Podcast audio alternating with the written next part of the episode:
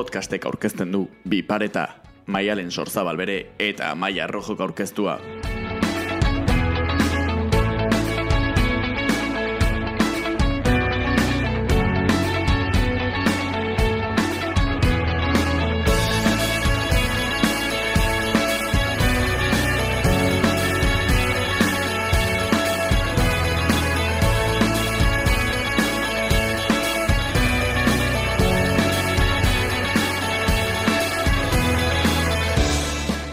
Jatorri ez ezaguna duen perkusiozko instrumentua da txalaparta.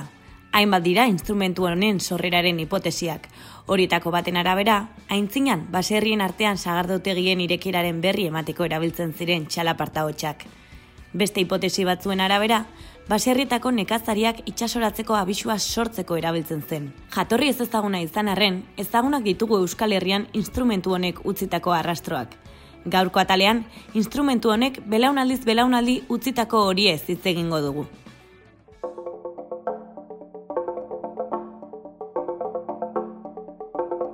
Perkusiozko instrumentu hau jotzeaz bi pertsona arduratu hoi dira. Jakuna, oreka ezartzea arduratzen dena eta errena, oreka hori hausten edo puskatzen duena.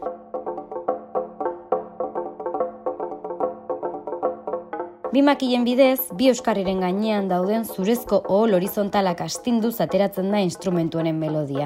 Eta txalapartarien esanetan, instrumentu honetatik jaiotako musikak bost kilometrotan zehar bidaiatu dezake.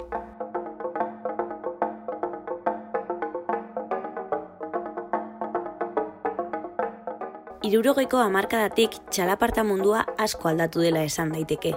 Gaur egun, garai batean espero ez zen abeste eta formatutan entzun daiteke instrumentu hau horren lekuko izan zen izaterako abestia.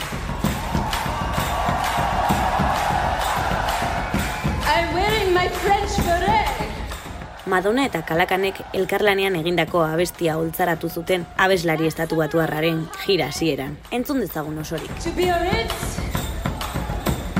And for my gentlemen sang for me. They're from the Basque country. They're called the Calican Trio. And they make me wanna shake it.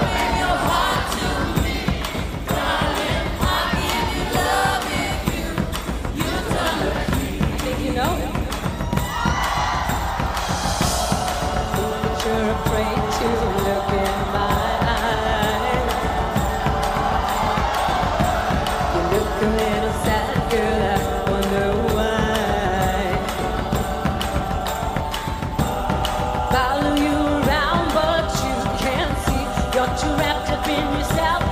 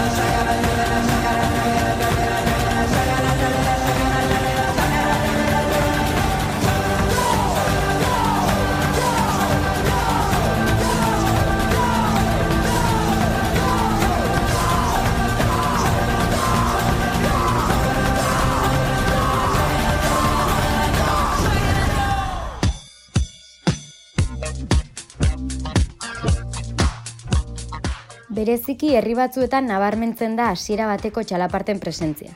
Gipuzkoako Donosti erume aldean, Lasarten, Usurbilen, Hernanin, Ereñotzun, Urnietan, Altzen Txaurrondon, Astigarragan, Ergobian, Bidaso aldean eta Andoainen esaterak.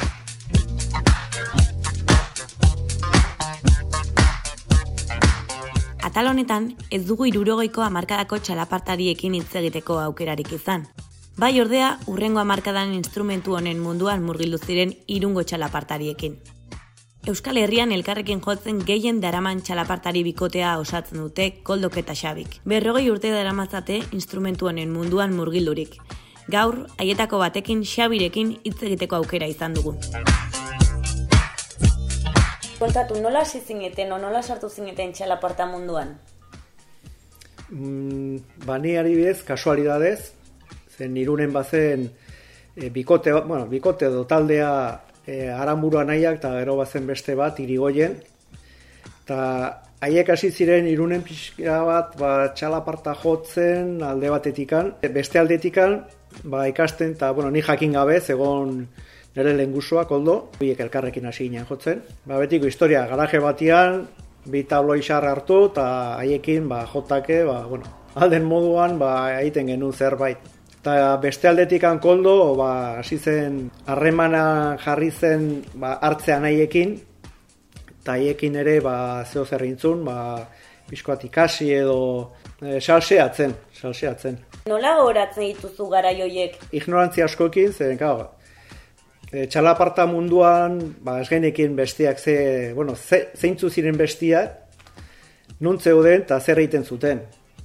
Eta horren gu gure aldetikan, ba, txabola batian hasi gineak jotzen, e, ba, iten genuen esperimentuak eta eta gutxi gora bera sortu genuen e, jotzeko modu bat. E, gero konturatu ginen, zela e, besten modu oso desberdina.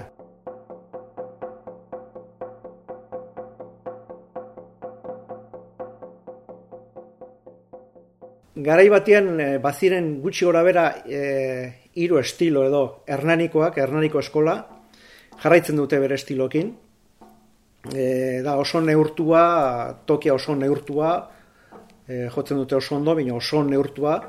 Gero zeuden, haiek ja desagertu ziren, gerla beti, e, araiakoak, oso kaineroak eta oso tropikoalak eta ez dakit, e, bai, bai, oso kaineroak ziren. Eta gero gure estiloa, guri esaten ziguten e, estilo elegantea.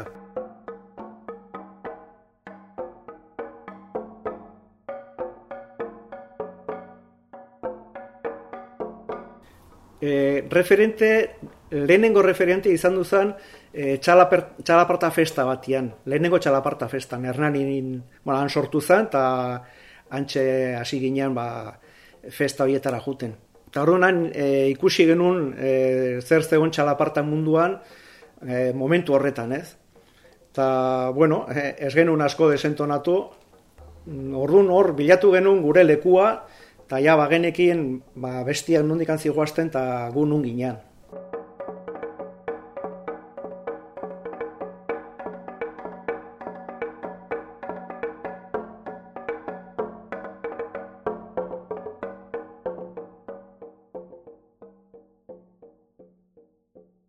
Bai musikan eta bai antzerki aldian eta hor gor salseatu genuen hor ere e, dantza kontemporaneoakin eta txalaparta e, sartzen eta alako historiakin. Donostiko talde batekin egin genuen grabaketa bat, disko batian, eta horrez aparte, bueno, salsatzen genuen e, taldekin eta horrela asko ez, minio, plazaz, plazaz, bai.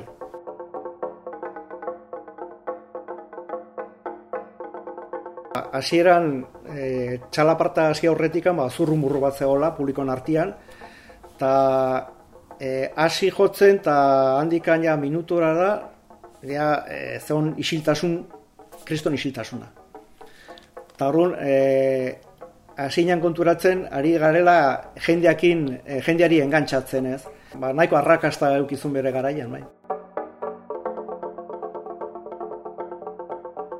Emanaldi asko zen ituzten? Bai, garai hartan jai festatan eta alako, bueno, e, lekuitxietan baita ere, eta esan dizu bezala, ba, dantza kontemporaneokin ere, ba, aktuazioak eta edukitzen genuen.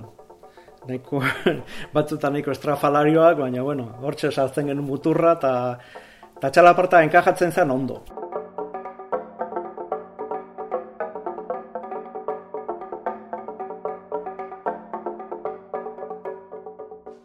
Orain zer egiten zuen? Ensaiatu. Gu jarraitzen dugu beti ondu gara ensaiatzen. Naiz eta aktuazioak eta ez, ez euki, ba, jarraitzen dugu txalapartakin. Ba, tarteka investigatzen bizko bat, ber, soinu desberdina bilatzen, edo jotzeko modu desberdina jotzen, ez dakit, e, beti zerbait bilatzen. Batzutan jotzen dugu jotza batik. Gustatzen zaigulako eta elkartzen gera, birra batekin, hori bai, antxe, e, nire lengusoen dauka garaje bat bezala, eta antxe egiten duen saioak.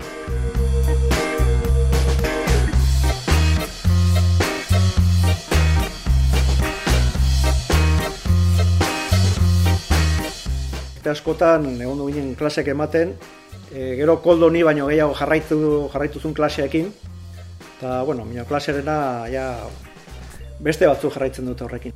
Interesa dago, interesa dago, orain jetxi da pixka bat gu genuen e, interesa bat e, investiazio modura ba, jotzeko moduan tarrela.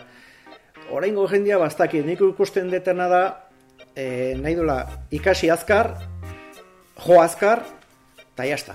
E, txalaparta da askoz gehiago. Gudara mazkigu, e, ez dakit, berroi berri tapiko urte elkarrekin jotzen. Claro, hor ja sortzen da konplizidade bat eta historia bat, eta jarripen hori lortzea inbeste urtetan oso zaila da.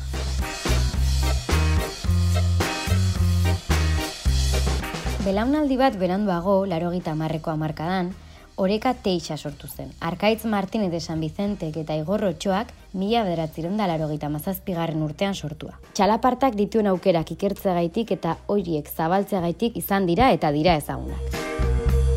Bost kontinentetako tauletan jo dute, txalaparta gure mugetatik kanpo atera dute. Entzun adibidez, izotz zati batzuekin sortu zutena.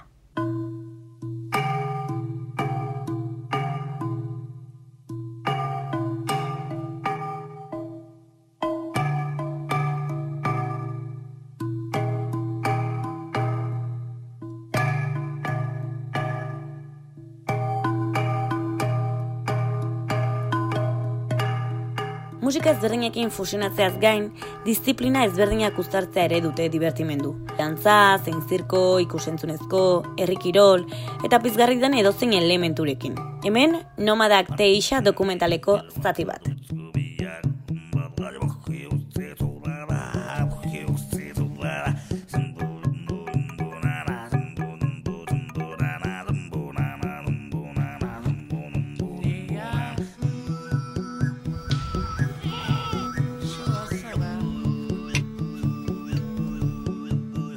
Duela urte asko gizonezkoek jotzen zuten instrumentua nagusiki, baina gauzak aldatu egin dira zorionez. Horren erakusle dira txukunak. Sara eta Maika Gomezek sortu zuten txalaparta talde hau. Azken hogei urtetan mundu osoko holtzak zapaldu dituzte, txalaparta hotxak zabaltzen. Europan eta Asian zehar hainbat geltoki egin dituzte. Horretaz gain, John Zorn, Marisa, Ojos de Brujo, Radio Tarifa o Martires del Kompas bezalako taldeekin kolaboratu dute.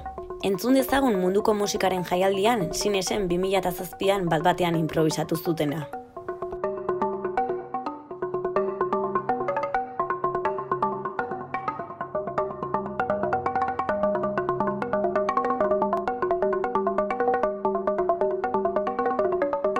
Eta gaur egungo talderik ezagutzen ezagutzen dugu, ezagutzen duzue. Utxun txalaparta taldea Iruña sortu zen 2000 eta maikan. Urte asko txalaparta jotzen eta ikertzen egon ondoren. Uarten, jeidan eta errotxapean ezi eta hasi egin dira txalapartari hauek. Eta bueno, txalaparta eta pulp fiction uztartzeko gai dira. Entzun.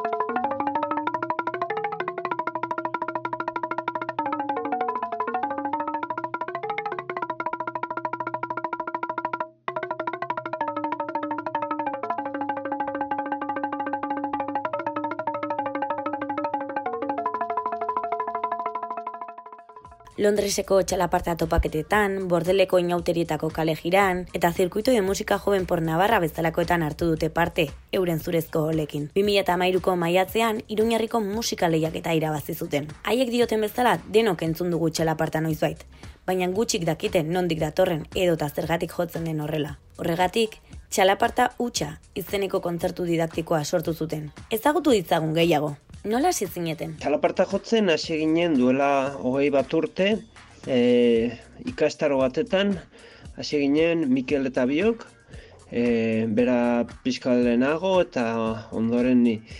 Eta hortik aurrera ba, ikastaroan ikasi genuenarekin eta txundituta jolasarekin, musika tresnarekin, ba, bakoitza bere kabuz, ba, kalean jotzen hasi zen e, lagunekin, ezagunekin, gehiago zakitenekin eta gutxiago zakitenekin horrela eman genituen urte pila bat. Kalean jotzen eta ez da askotan deratzen dut ba, eskeitarekin hasten diren pertsonak bezala hasi ginen, gure kolpeak hartu genituen, baina urte urte, aste aste, jotzen ba, ordu asko eman eta gero, ba, horrela hasi ginen txalapartan. Baduzu erreferenterik? Erreferentzia baditugu dudari gabe. Niretzat lehenengo erreferentzia Mikel izan zen. Bera izan zen ere irakaslea eta ezagutzen nuen txalapartari bakarra.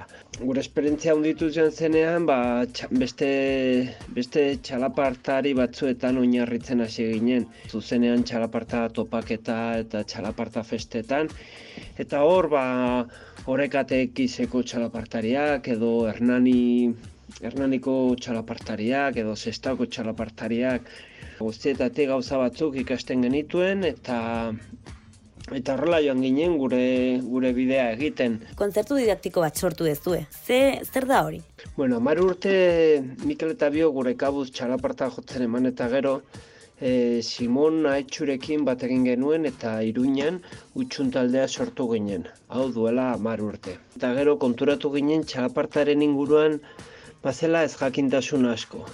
Egia da, informazio gutxi dagoela, baina hola, kalean jotzen ibiltzen ginenean ere, e, jende asko txalaparta ezagutzen zuela uste zuen, baina baina etzen hola.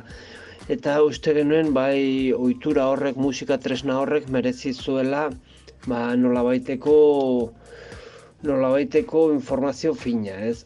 Orduan Simoni boruratu zitzaion kontzertu didaktiko bat egitea eta bertan ba, gure txalapartaren ikuspuntua azaldu genuen. Txalaparta ezagutu genuenetik, e, irurogei garren amarkadan edo, ba, nola pausoz pauso, amarkada zamarkada, ba, txalaparta zakit garatzen edo ibilbide berri bat egiten hasi zen. Orduan, e, hori erabaki genuen kontzertu didaktiko egitea eta bertan azaldu genuen ba, txalapartaren ibilbidea duela ba, hori iruroge garren amarkadatik gaur egungo txalapartara. Zer nolako harrera du txalapartak zuen inguruan? Orokorrean txalaparta badu oso harrera ona. Bai Euskal Herrian, bai Euskal Herritik kanpo, e, nik uste dut baduela, baduela oso harrera ona. Jendeari asko gustatzen zaio orokorrean eta nik uste dut bai sortzen duen soinuagatik eta bai duen ikusgarritasun horregatik ba, txalaparta orokorrean jendeari asko gustatzen zaiola. Guretzat txalaparta musika azken finean bada muga gainditzen dituen gauza bat eta horretan ba, pozik gabe.